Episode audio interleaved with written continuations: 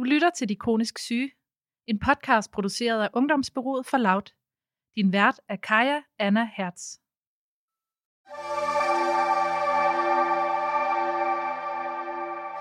Mange har oplevet at føle sig udenfor i folkeskolen.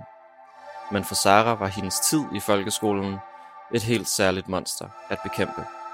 Hvordan klarer man sig, når alle kaster en til siden, giver dømmende blikke og taler bag ens ryg på grund af ukontrollerbare bevægelser, du ikke selv bestemmer over. Sara har Tourettes, og i dag fortæller hun os om at bekæmpe fordomme, at blive misrepræsenteret i popkulturen, misforstået af sine forældre, og endelig ende på den anden side med en nyfunden accept og respekt for sig selv.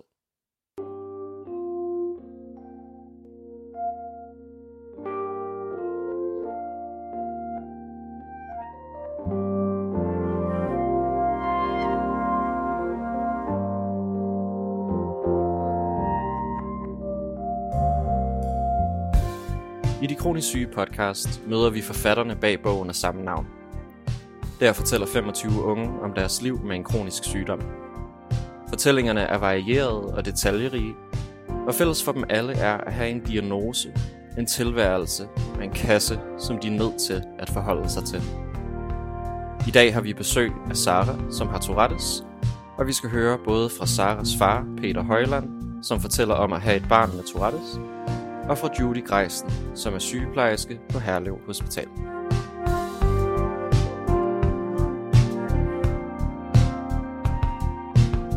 Hej Sara. Hej. Og velkommen til De Kronisk Syge podcast. Tusind tak for at være med i dag. Tak. Velkommen herop i det kolde tårn på Nørrebro med regnen, der rammer vinduerne udenfor. Det er meget atmosfærisk. Det må man sige. Sara, vil du ikke starte med at introducere dig selv? Jo, øh, jeg hedder Sara, og jeg er 27 år. Jeg har Tourette, så ja, jeg er mor til to. Ja, og vil du ikke i dine egne ord fortælle lidt om Tourettes? Øhm, Tourette er øh, muskelsamtrækninger, øh, man ikke selv kan, kan styre. Øh, og for mig er det øh, altså motoriske, og har nogle små lyde. Øh, jeg har ikke nogen jeg vil sige, skældsord eller ting og sager, jeg råber. Øh, jeg har bare nogle, ja, nogle små lyde, som folk kan spørge mig, om jeg har hække eller sådan et eller andet. Så hvornår og hvordan blev du diagnostiseret med Tourette? Altså det var allerede egentlig, da jeg skulle starte skole, at mine forældre egentlig lagde mærke til, at der var nogle, der var noget, ikke?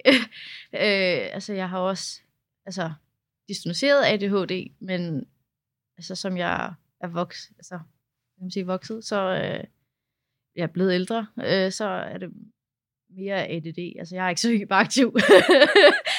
øh, ja, øh, men der, jeg har været, hvad jeg har været, i en 10, 12 år, tror jeg. Øh, der startede de med at få mig udredt, øh, fordi at hverken kommune eller læge eller noget ville hjælpe med at få mig udredt, så mine forældre måtte selv tage affære, og det tager noget tid.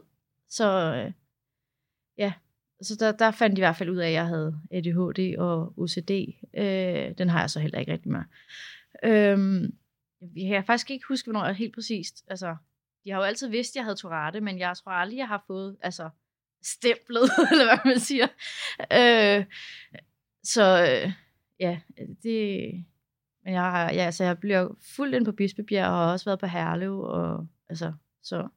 Du sagde, at da du startede i skole, så vidste dine forældre ligesom, at der var noget. Mm. Hvordan kom det til syne? Hvad var de første tegn på, at du ikke var som de andre børn? Øh, altså, min kon- koncentration øh, var minimal.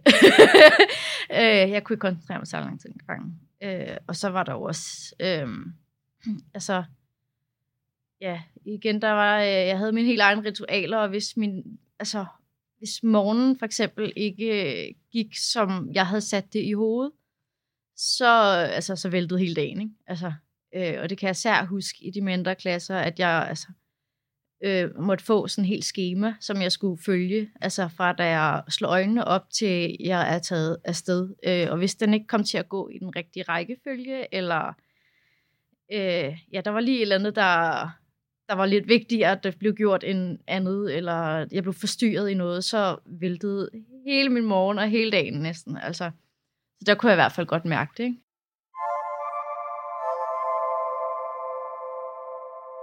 Jeg hedder Judy Greisen. Jeg arbejder som sygeplejerske øh, på børne- og ungeafdelingen på Herlev Hospital, hvor jeg øh, mest arbejder med børn og unge, som har Tourette-syndrom.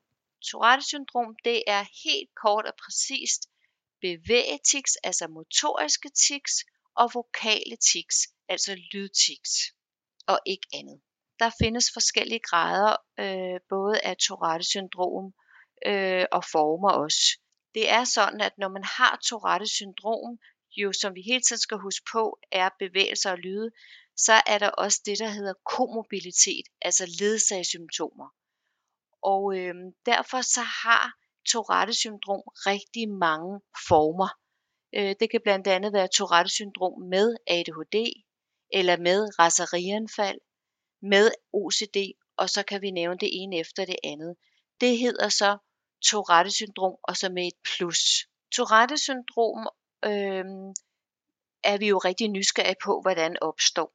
Det vi ved er, at der er en, en forstyrrelse i signalstofferne. Signalstofferne, det skal vi tænke på, at det er dem, der sender øh, beskeder rundt i hjernen. Og når vi bevæger os, bevæger vores arme og ben, og vi tænker, og alle de her ting, som vi bruger hjernen til, så, øh, så sender der beskeder fra den ene hjernenæve til den anden. Der opstår tics, fordi der bliver sendt for mange beskeder fra den ene hjernenæve til den anden. Det er det, vi ved indtil videre. I den forbindelse vil jeg også sige, at vi forsker jo rigtig meget i det her med, hvorfor er der så nogen, der bliver ramt? Hvorfor er der nogen, der får øh, denne her forstyrrelse i signalstofferne? Og det er vi meget nysgerrige på, og der er meget, vi ikke ved endnu. Vi ved, at det er arveligt. Og vi ved også godt, at man bliver født med tics, og man dør med det. Man dør ikke af det, men man dør med det. Det er sådan, øh, det er lidt specielt også med øh, Tourette-syndrom, at det er flest drenge, der har det. Så det er også flest fædre, der har det. Der er også piger, men forholdet er 1 til 4. Øh, så når der er en pige, så er der fire drenge det er også det samme, der er gældende i forhold til ADHD. Og det er stadigvæk en gåde, hvorfor det er drengene, der øh, er øh, bonger ud omkring både med tiksene og med ADHD'en. Hvor mange der har Tourette-syndrom i Danmark, det er vi ikke helt sikre på. Men vi anslår, at cirka 1% af befolkningen har øh, øh, diagnosen Tourette-syndrom. Men det er rigtig svært at sige, for der er mange, der ikke får stillet diagnosen der er nogen, der ikke bliver opdaget, fordi at de aldrig nogensinde synes, at det er nødvendigt for dem at blive opdaget. De lever med deres tics, øhm, og de lever rigtig godt med dem. Man stiller Tourette-diagnosen dels på baggrund af det, som den unge eller barnet selv fortæller, eller og det, som forældrene fortæller. Tourette-diagnosen stilles således at der er ligesom en opskrift. Vi har en bageopskrift. Her har vi så også en opskrift på, hvordan man får diagnosen Tourette, og man skal have både bevægelser og lyde for at have Tourette-diagnosen. Det er også noget, som øh, vi øh, meget, går meget op i, at vi holder os til de diagnostiske kriterier, så at vi ikke finder på at stille en diagnose ud fra noget, som ikke er korrekt. Det klassiske tidspunkt egentlig at få stillet diagnosen, og dem vi møder mest, hvor vi stiller diagnosen, det er øh, omkring 0. klasse. Altså børn og unge fra 5 til 7 år. Der er flest i den alder, som kommer hos os. Øhm, måske har forældrene opdaget, at der har været nogle tics i børnehaven, og når de så kommer i skole, og kravene bliver anderledes, øh, og børnene bliver presset på en anden måde, så bliver ticsene tydeligere. Og øhm, så går de til egen læge, hvor egen læge så henviser til øh, Tourette-klinikken. Vi får også rigtig mange fra øh, andre afdelinger, som blandt andet psykiatrisk afdeling, eller for andre børneneurologer, som sidder rundt omkring i Danmark. Hvordan var det så at vokse op med den her diagnose i folkeskolen? Hvordan oplevede du skolegangen? Oh, den var svær. øh, ja, det var en meget øh, ensom tid. ja, jeg følte mig meget alene. Øh, måtte ikke rigtig være med til de andres lege, og ja, jeg gik, ja, altså jeg gik fysisk og sparkede til sten i, altså, hvad har det været, første til femte klasse, hvor jeg gik flyttede skole, ikke? Øh, ja, og kunne se, at de andre måtte godt være med, men jeg måtte ikke rigtig være med. Øh, så, og så skiftede jeg jo skole, øh, og det var en beslutning, jeg selv tog.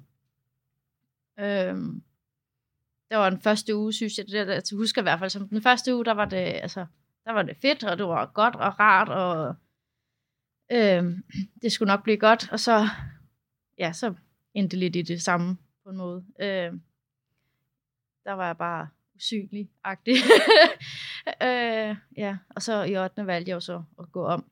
Jeg synes ikke rigtig, jeg lærte noget, og folk gik og snakkede bag min ryg, selvom jeg egentlig var der. Øh, så, ja. Og hvordan gik det så, da du valgte at gå 8. klasse om? Var der noget, der ændrede sig anden omgang? Øh, ja. Øh, min far, han valgte at, øh, eller valgte ikke, han spurgte, om det var okay for mig, om, om han kunne komme op og fortælle, hvad Tourette egentlig var. Øhm, og det synes jeg var en super god idé. Så vi fik aftalt med, med min lærer, at øh, han kom op og fortalte, hvad Tourette var, og de kunne stille en spørgsmål, og øh, ja, det, det ændrede lidt det hele. Øh, så det var ja, det bedste år i hele folkeskolen, det var, da jeg valgte at gå om øh, i 8. Øh, ja, og så efter 8. der tog jeg så på efterskole. Øh, så var det sådan lidt, ja, op og ned, vil man sige. øh, der var gode perioder og dårlige perioder. Øh, der havde folk også lidt svært ved, at jeg havde Tourette. Er det noget, der kommer fra, altså tror du selv, er det noget, der kommer fra de fordomme, folk har om øh, andre med Tourette? Ja, måske. Øhm, ja, der, jeg blev i hvert fald tit mødt den der, Nå, hvad siger du så af sjove ting og sager? Hvor jeg bare tænker, jeg siger ikke noget sjove ting og sager. Øh, jeg har nogle små lyde, og så har nogle små bevægelser.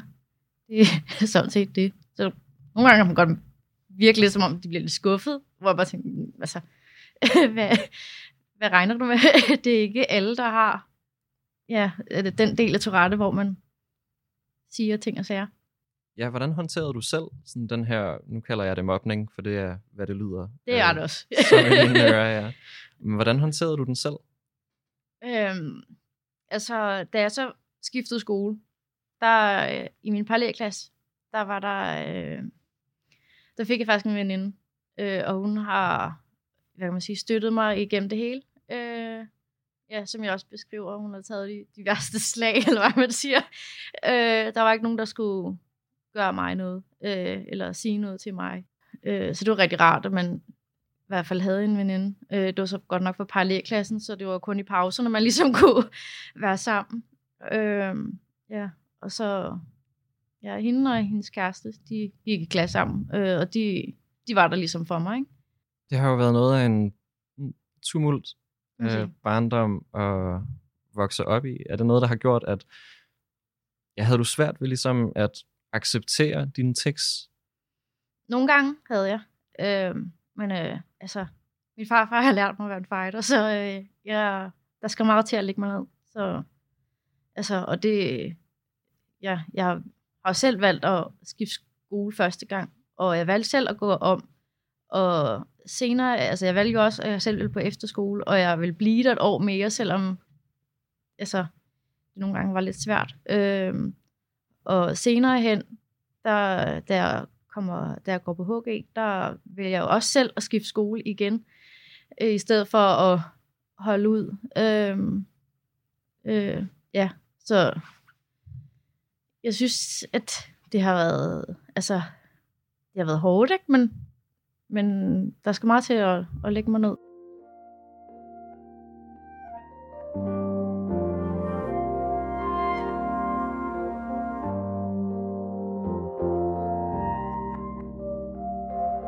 Så jeg ved jo, at i din historie, der fylder, det, der fylder din familie øh, meget i din fortælling. Så lad os prøve at snakke lidt om det, og den udvikling, der er sket med jer i familien. Så hvordan har din familie håndteret diagnosen? Altså i starten, der var det jo selvfølgelig svært, fordi altså, min storebror, han har kun nogle sådan, enkle tekst, øh, ikke øh, Tourette.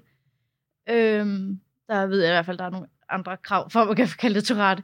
Øhm, ja, så, så, så det var selvfølgelig svært, og det var ukendt for dem også, øh, hvad det helt præcis indebærede, og hvad man kunne gøre for at hjælpe mig og ja, resten af familien. Ikke? Øhm, ja, så det var, det var selvfølgelig svært, og til sidst så måtte jeg, øh, jeg havde en psykolog, og mine forældre blev tildelt en, sådan så de kunne, altså, hvad kan man sige, lukke op og få lettet, hvad de nu lige havde, og ja, tanker og følelser. Øh, og så fik de en masse redskaber til, hvordan de kunne hjælpe mig og resten af familien.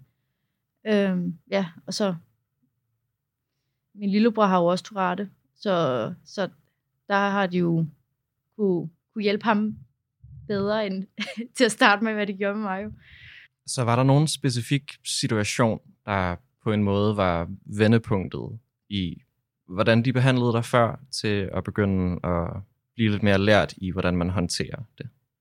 Øhm, altså, der var jo den der situation, som jeg også øh, fortæller i bogen, øh, at der havde jeg, altså jeg havde jo et helt ritual med, at jeg skulle gå op og ned ad gangen øh, derhjemme, øh, og hvis jeg gik forkert op, så skulle jeg gå baglæns tilbage, og hvis jeg gik forkert tilbage, så skulle jeg gå frem igen, og så skulle det trampes hårdere og hårdere for hver gang, og til sidst så fik min far nok.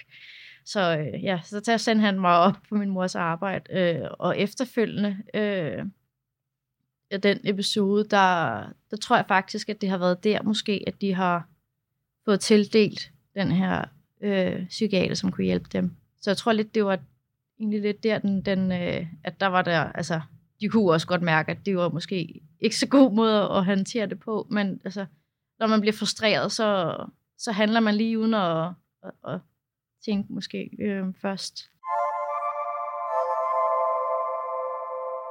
Jeg hedder Peter. Øh, jeg er Saras far. Øh, jeg er 57 år, og jeg har tre børn og en kone. Vi har været sammen altid i 30 år, så det har været nogle år efterhånden. Øh, mine to andre øh, børn, det er to drenge. Øh, Martin på 29 og Jonas på 17. Øh, nu har Sara tics og lidt OCD, så Øh, de to andre, de har også en, en, en snært af noget tics, men, øh, men ikke i nærheden af det, som Sara har været ude for. Så på et tidspunkt, så, øh, så sendte vi Sara øh, hjemmefra, Øh, jeg sagde, at hun skulle skrue bag faktisk. Hun skulle til at gå op til sin mor, og, og, og, og så kunne hun sidde deroppe. Øh, men det var sådan set ikke i forbindelse med tics og Tourette. Det var mere OCD'en, der, fordi vi var hjemme på basen. Det der OCD'en var, havde meget mere magt end, end Tourette og, og tics et eller andet sted. Øh, Sara havde mange ritualer. Hun havde ritualer, når hun skulle i seng, og ritualer, når hun var på toilettet. Og... Så på et tidspunkt blev det bare for meget, og jeg sagde til hende, øh, jeg gider simpelthen ikke mere. Jeg, jeg, jeg, kan, jeg, jeg magter det simpelthen ikke. Altså, jeg, fordi jeg ikke vidste så meget om det, og ikke vidste nok om det, og jeg anede ikke, hvad det var, hun var ude i. Og jeg havde jo ikke hørt om det der før. Så OCD, det, er, det kan virkelig tage pipet for, for forældre, altså hvis man har børn med OCD, så der skal man altså også øh, virkelig søge viden. Øh, Øh, og så sagde jeg til hende, at hun skulle øh, gå op til sin, sin mor, som arbejdede i øh, hjemmeplejen op i Ølstykket på det tidspunkt. Øh, og så fik Sara så øh, penge af, af mor til at tage bussen til onkel i Skovlund og tante, som så tog, øh, tog sig hen i et par dage, så vi lige øh, faktisk kunne lige få et, øh, et pusterum, kan man sige. Og det, det er jo måske så også noget, man kan foreslå. Altså, hvis man kender nogen, øh, så få noget hjælp udefra, så, så forældrene også lige kan få. Altså, så børnene skal så bare øh, selvfølgelig vide, at øh, det er ikke fordi, de er mærkelige eller dumme eller sådan noget, men, øh, men mor far trænger også lige til en, en puster. Da Sara hun fik sin tiks første gang, der, der oplevede vi det, vi undrede, vi undrede os lidt over, hvad det var for noget. Jo. Så hun tiksede og, og havde, havde det faktisk ikke særlig godt. Øhm, øhm, det var rysten på hovedet og lyde og og ting og sager, og vi kunne se, at hun ikke havde det særlig godt faktisk. Så øhm, vi, vi prøvede at først at finde ud af øh, flere år efter faktisk, hvad det var. Så i mange år, der, øhm, der levede vi bare med, at øh, Sara hun øh, lavede alle de her mærkelige ting, som vi ikke rigtig vidste, hvad var faktisk. Vi blev, øh, vi blev lidt bekymrede øh, over, at, at Sara hun øh, sad og tiks, tiksede. Øh, vi synes jo, det var øh, mest synd for hende selv faktisk, ikke? fordi at, øh, øh, hun havde det skidt. Øh, og lavede de samme ting, og kunne ikke komme videre i projektet, og havde svært ved, ved skolearbejde, fordi hun, hun øh, sad og tiksede, og havde svært ved at koncentrere sig. Så relationen i familien til, til Sars tiks har været, at, øh, at det har været svært for, øh, for hendes øh, storebror. Øh, rigtig meget af tiden gik jo med Sara. Så øh, når man ikke er vant til sådan noget, og ikke har prøvet det før som forælder, så, øh, så sætter du alt ind på at hjælpe det barn, som, som har det skidt. Øh, og hvis man ikke passer rigtig meget på, så glemmer man jo så måske de andre børn, hvis man har flere, og ellers gik det jo ud over Martin i lang, langt hen ad vejen, faktisk. På den måde, at øh, han blev ligesom overset, ikke? og blev overladt lidt til sig selv, måske nogle gange lidt for meget. Så på den måde har det, har det jo belastet familien. Så som forældre, der kunne man godt tænke sig noget støtte og noget hjælp øh, udefra, når man, øh, når man har et barn, som har de her problemer. Og vi søgte støtte både på skolen og gennem kommunen. Øh, og der var ikke rigtig noget hen faktisk. Vi var selvfølgelig også hos lægen. Øh, og lægen øh, prøvede at, at først at sige, at vi skulle tale med skolepsykologen. Øh, og skolepsykologen på Maglerhøjskolen i Ølstykke var øh, er ikke øh, særlig parat til den slags udfordringer, tror jeg. Det har nok været, været mere sådan noget øh, almindeligt til skolearbejde, jeg, jeg, jeg kunne have forestillet mig. Øh, hun, øh, hun, foreslog faktisk ikke rigtig noget som, som helst, og vi skulle bare prøve at, at tale lidt med hende. Så der var ingen hjælp at hente, hverken fra skolen eller kommunen, og kommunen har der sådan set aldrig nogensinde været nogen hjælp, eller ikke efterfølgende. Så efterfølgende, så, øh, så prøvede vi så at gå til lægen og høre, om vi kunne få noget hjælp den vej. Øh, lægen henviste så til øh, Hillerød psykiatriske, altså børnesyk, øh, og der fik vi hjælp. Øh, så blev tilknyttet en, øh, en psykolog og en, øh, en psykiater, som kan stå for, for selve medicineringen.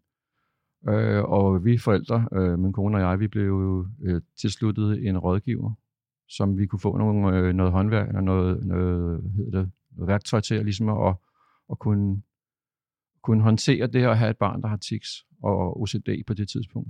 De værktøjer, vi fik, det var, øh, det var sådan noget med, at øh, vi skulle øh, prøve at ignorere lidt, at øh, Assad tiksede, og måske øh, sige det øh, i stedet for at skælde hende ud, som vi jo havde gjort os, fordi vi jo, synes jo, det var noget mærkeligt noget at sidde og lave de her ting.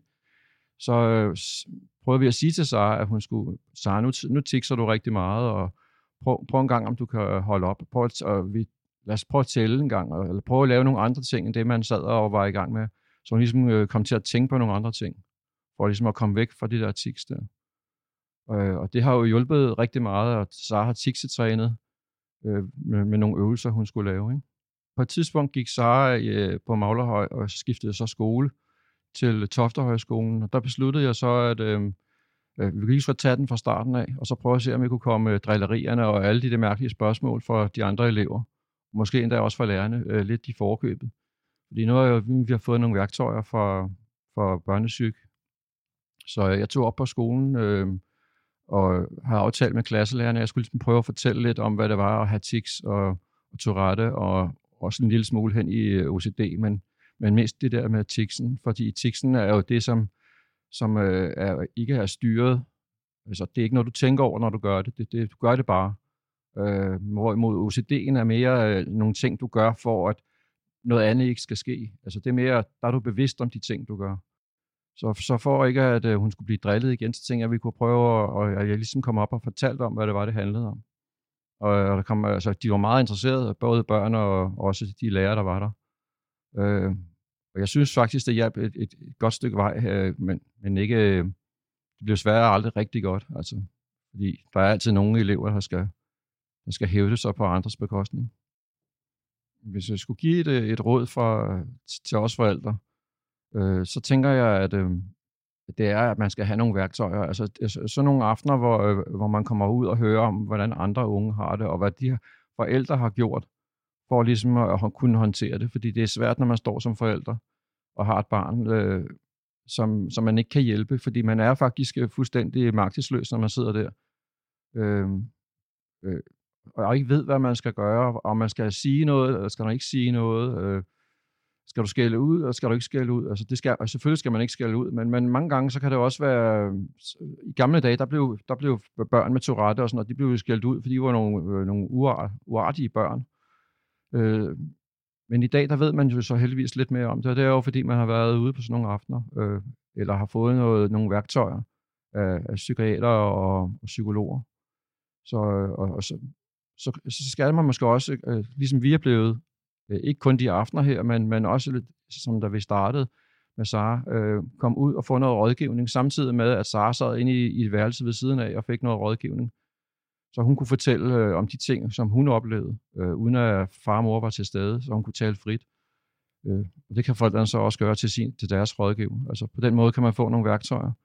Så jeg synes, det er godt, det skal de bare fortsætte med, men det, og det skal måske være lidt mere synligt, fordi det er jo ligesom øh, med så mange andre ting, når øh, psykiske sygdomme, der bliver man øh, antaget for at være idioter eller, eller tosse. Fordi en brækket arm, det kan man håndtere, og det kan man se, og det går over lige om lidt. Men det gør, at Sorette og tics øh, sjældent. Man kan minimere det, men, men over godt, det går det nok ikke. Men så råd til andre forældre at kunne, det er sådan set lidt det samme jo, det er at opsøge noget viden om det, læse om det. Der er kommet mange flere bøger om det, øh, pjæser, øh, udsendelser, som det her for eksempel. Øh, øh, snak med din læge om det, snak med skolen, øh, gå op, tag op i klassen og fortæl de andre børn, hvad det er for noget, øh, så, så, så børnene ikke bliver drillet øh, så man, vi, kan, vi kan have det godt alle sammen. Altså, det, det handler om viden og uvidenhed faktisk. Fordi langt hen ad vejen, så er det jo fordi folk ikke ved, hvad det er, og så, og så er det altså nemmere at drille, end at, end at hjælpe.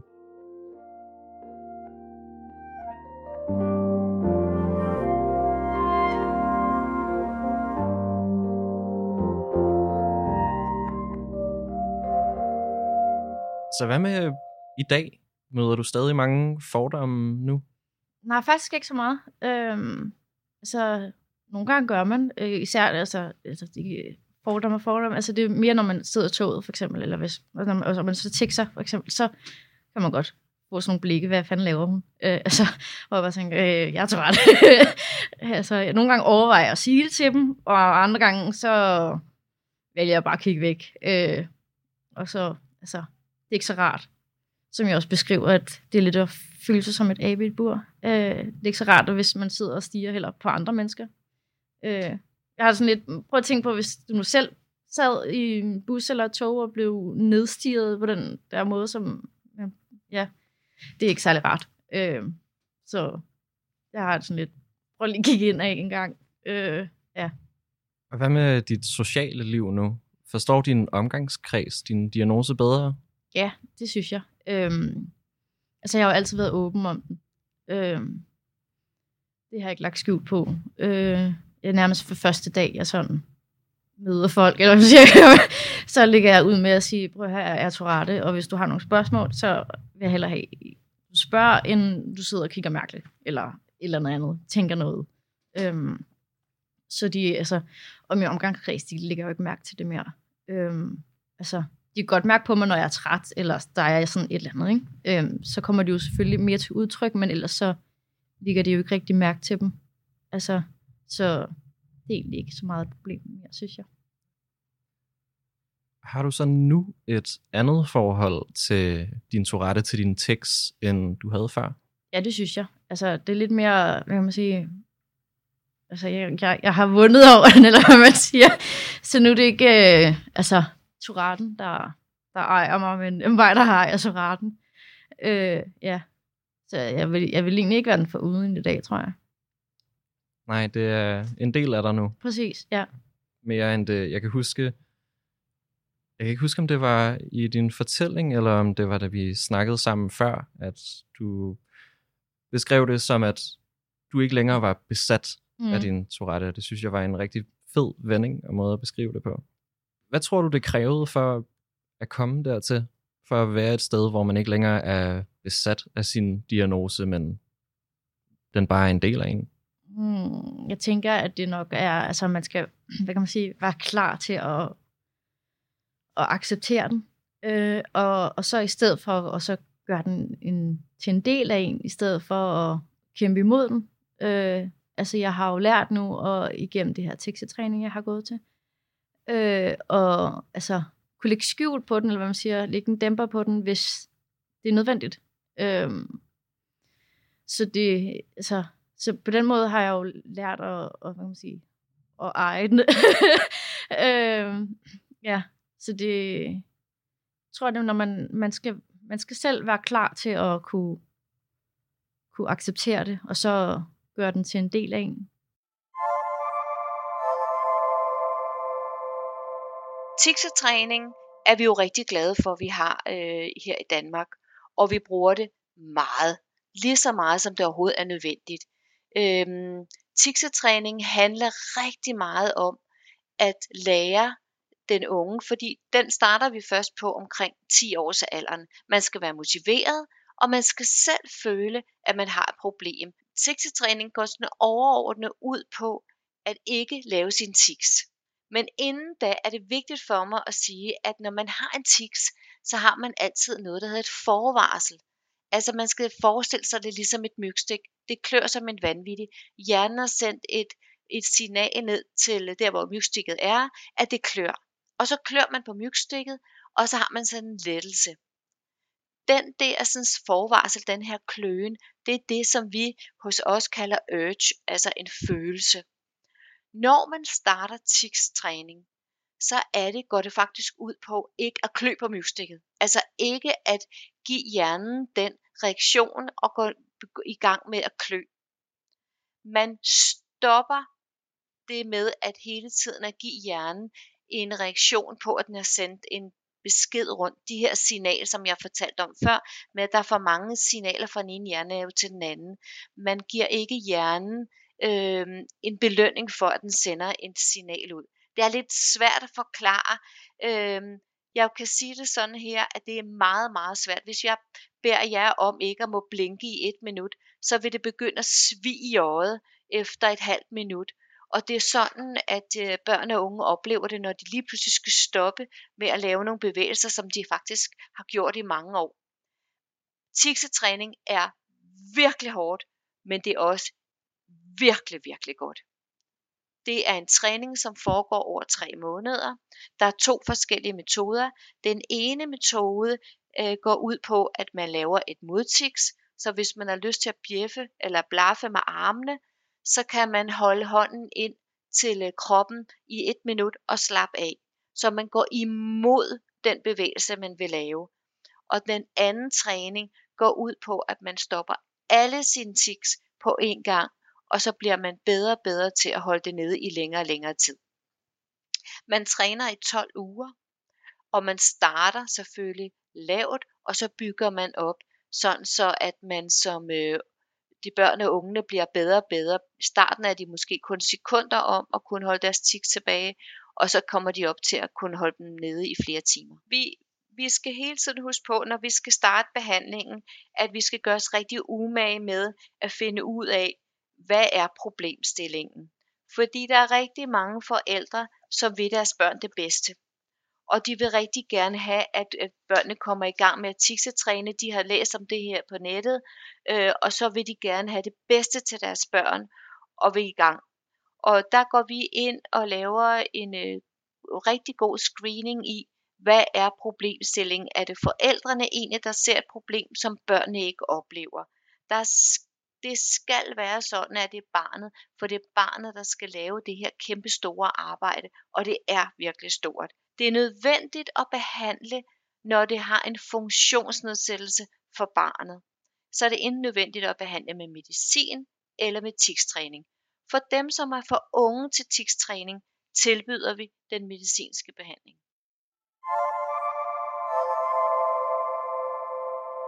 Og Sara, du er jo med her i studiet i dag, fordi at du har været med til at skrive din historie i De Kronisk Syge bogen. Og du har taget et stykke med, som du gerne vil læse op for os, og det vil vi rigtig gerne høre nu. Ja. Min historie hedder, jeg husker, at jeg sparkede til sten i frikvartererne, og den kan man finde på side 59. I de tidlige skoleår stormede de andre fra klassen ud i gården, når det ringede ud til frikvarter. De løb og legede og kom af med den energi, de havde samlet sammen i klasseværelset. De drønede rundt om buskene og træerne, der indrammede skolen. De kastede bold til hinanden, og de grinede og råbte. Jeg så på. En gang imellem traskede jeg hen til dem og spurgte, om jeg måtte være med. De kiggede koldt på mig og svarede nej. Jeg måtte gå igen og kigge ned i jorden og sparke til sten. Hvis jeg løftede blikket, kunne jeg se de andre børn spørge mine klassekammerater, om de måtte være med. Det måtte de gerne. De forklarede mig aldrig, hvorfor det var, at jeg måtte stå alene i skolegården, men jeg vidste godt, jeg var anderledes. Jeg kunne mærke, det var det, de tænkte, når jeg lavede min tekst. Når jeg nikkede voldsomt med hovedet, eller blinkede kraftigt med øjnene, snøftede højt eller sagde små lyde. Nogle sendte mig undrende blikke. Andre grinede af mig, og min sidemarker havde sit helt egen måde at reagere på. Han gav mig en lammer hver eneste gang, jeg tekstede. Jeg har Tourette, og når jeg fortæller det, udbryder folk ofte. Ej, hvad siger du så sjove ting? Jeg må forklare dem, at Tourette kommer i mange former, og at jeg ikke siger nogen sjove ting. Jeg laver bare bevægelser og små lyde, som jeg ikke kan styre. De fleste kender til Tourette fra tv-indslag med personer, der ukontrolleret slynger om sig med bandeord. Seerne griner, og det går viralt på nettet. Og giver et indtryk af, at Tourette kun eksisterer i en enkelt ekstrem udgave. Måske er det derfor, at jeg ofte oplever folk sidde og vente på at gøre noget skørt og råbe grimme ord. De ser på mig, som børnene kigger på dyrene i zoologisk have. De får mig til at føle mig som et abe i et bur. Jeg vil ønske, at de bare gik hen til mig og spurgte, hvorfor jeg tikser, om jeg så kender dem eller ej.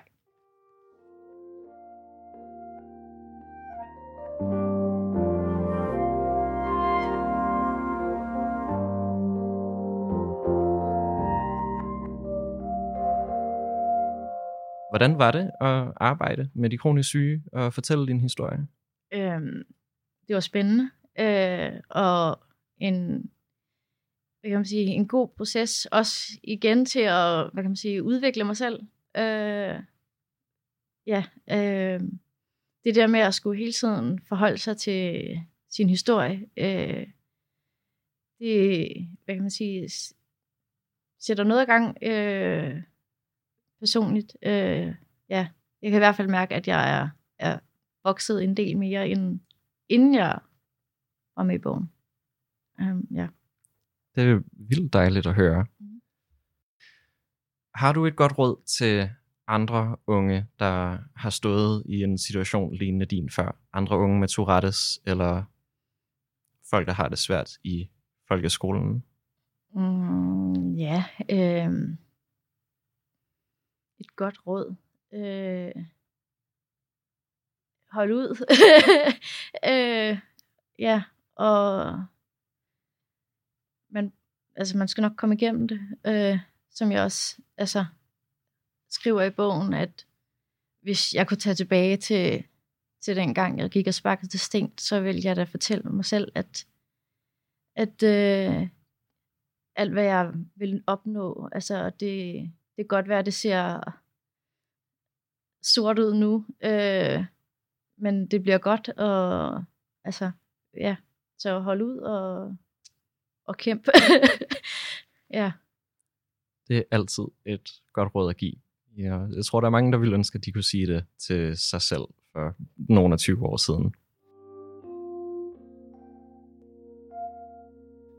Sara, tusind tak for at have været med her i dag. Vi skal til at runde af nu, og vi har været vidt omkring. Vi har snakket om alt fra at være mor med en kronisk sygdom som Tourette, og forbi folkeskolen og mobning, og hvordan ens familie kan reagere på at have et barn med en kronisk sygdom. Tusind tak, fordi du var med og fortalte lidt om, hvordan det er at vokse op med Tourette. Selv tak.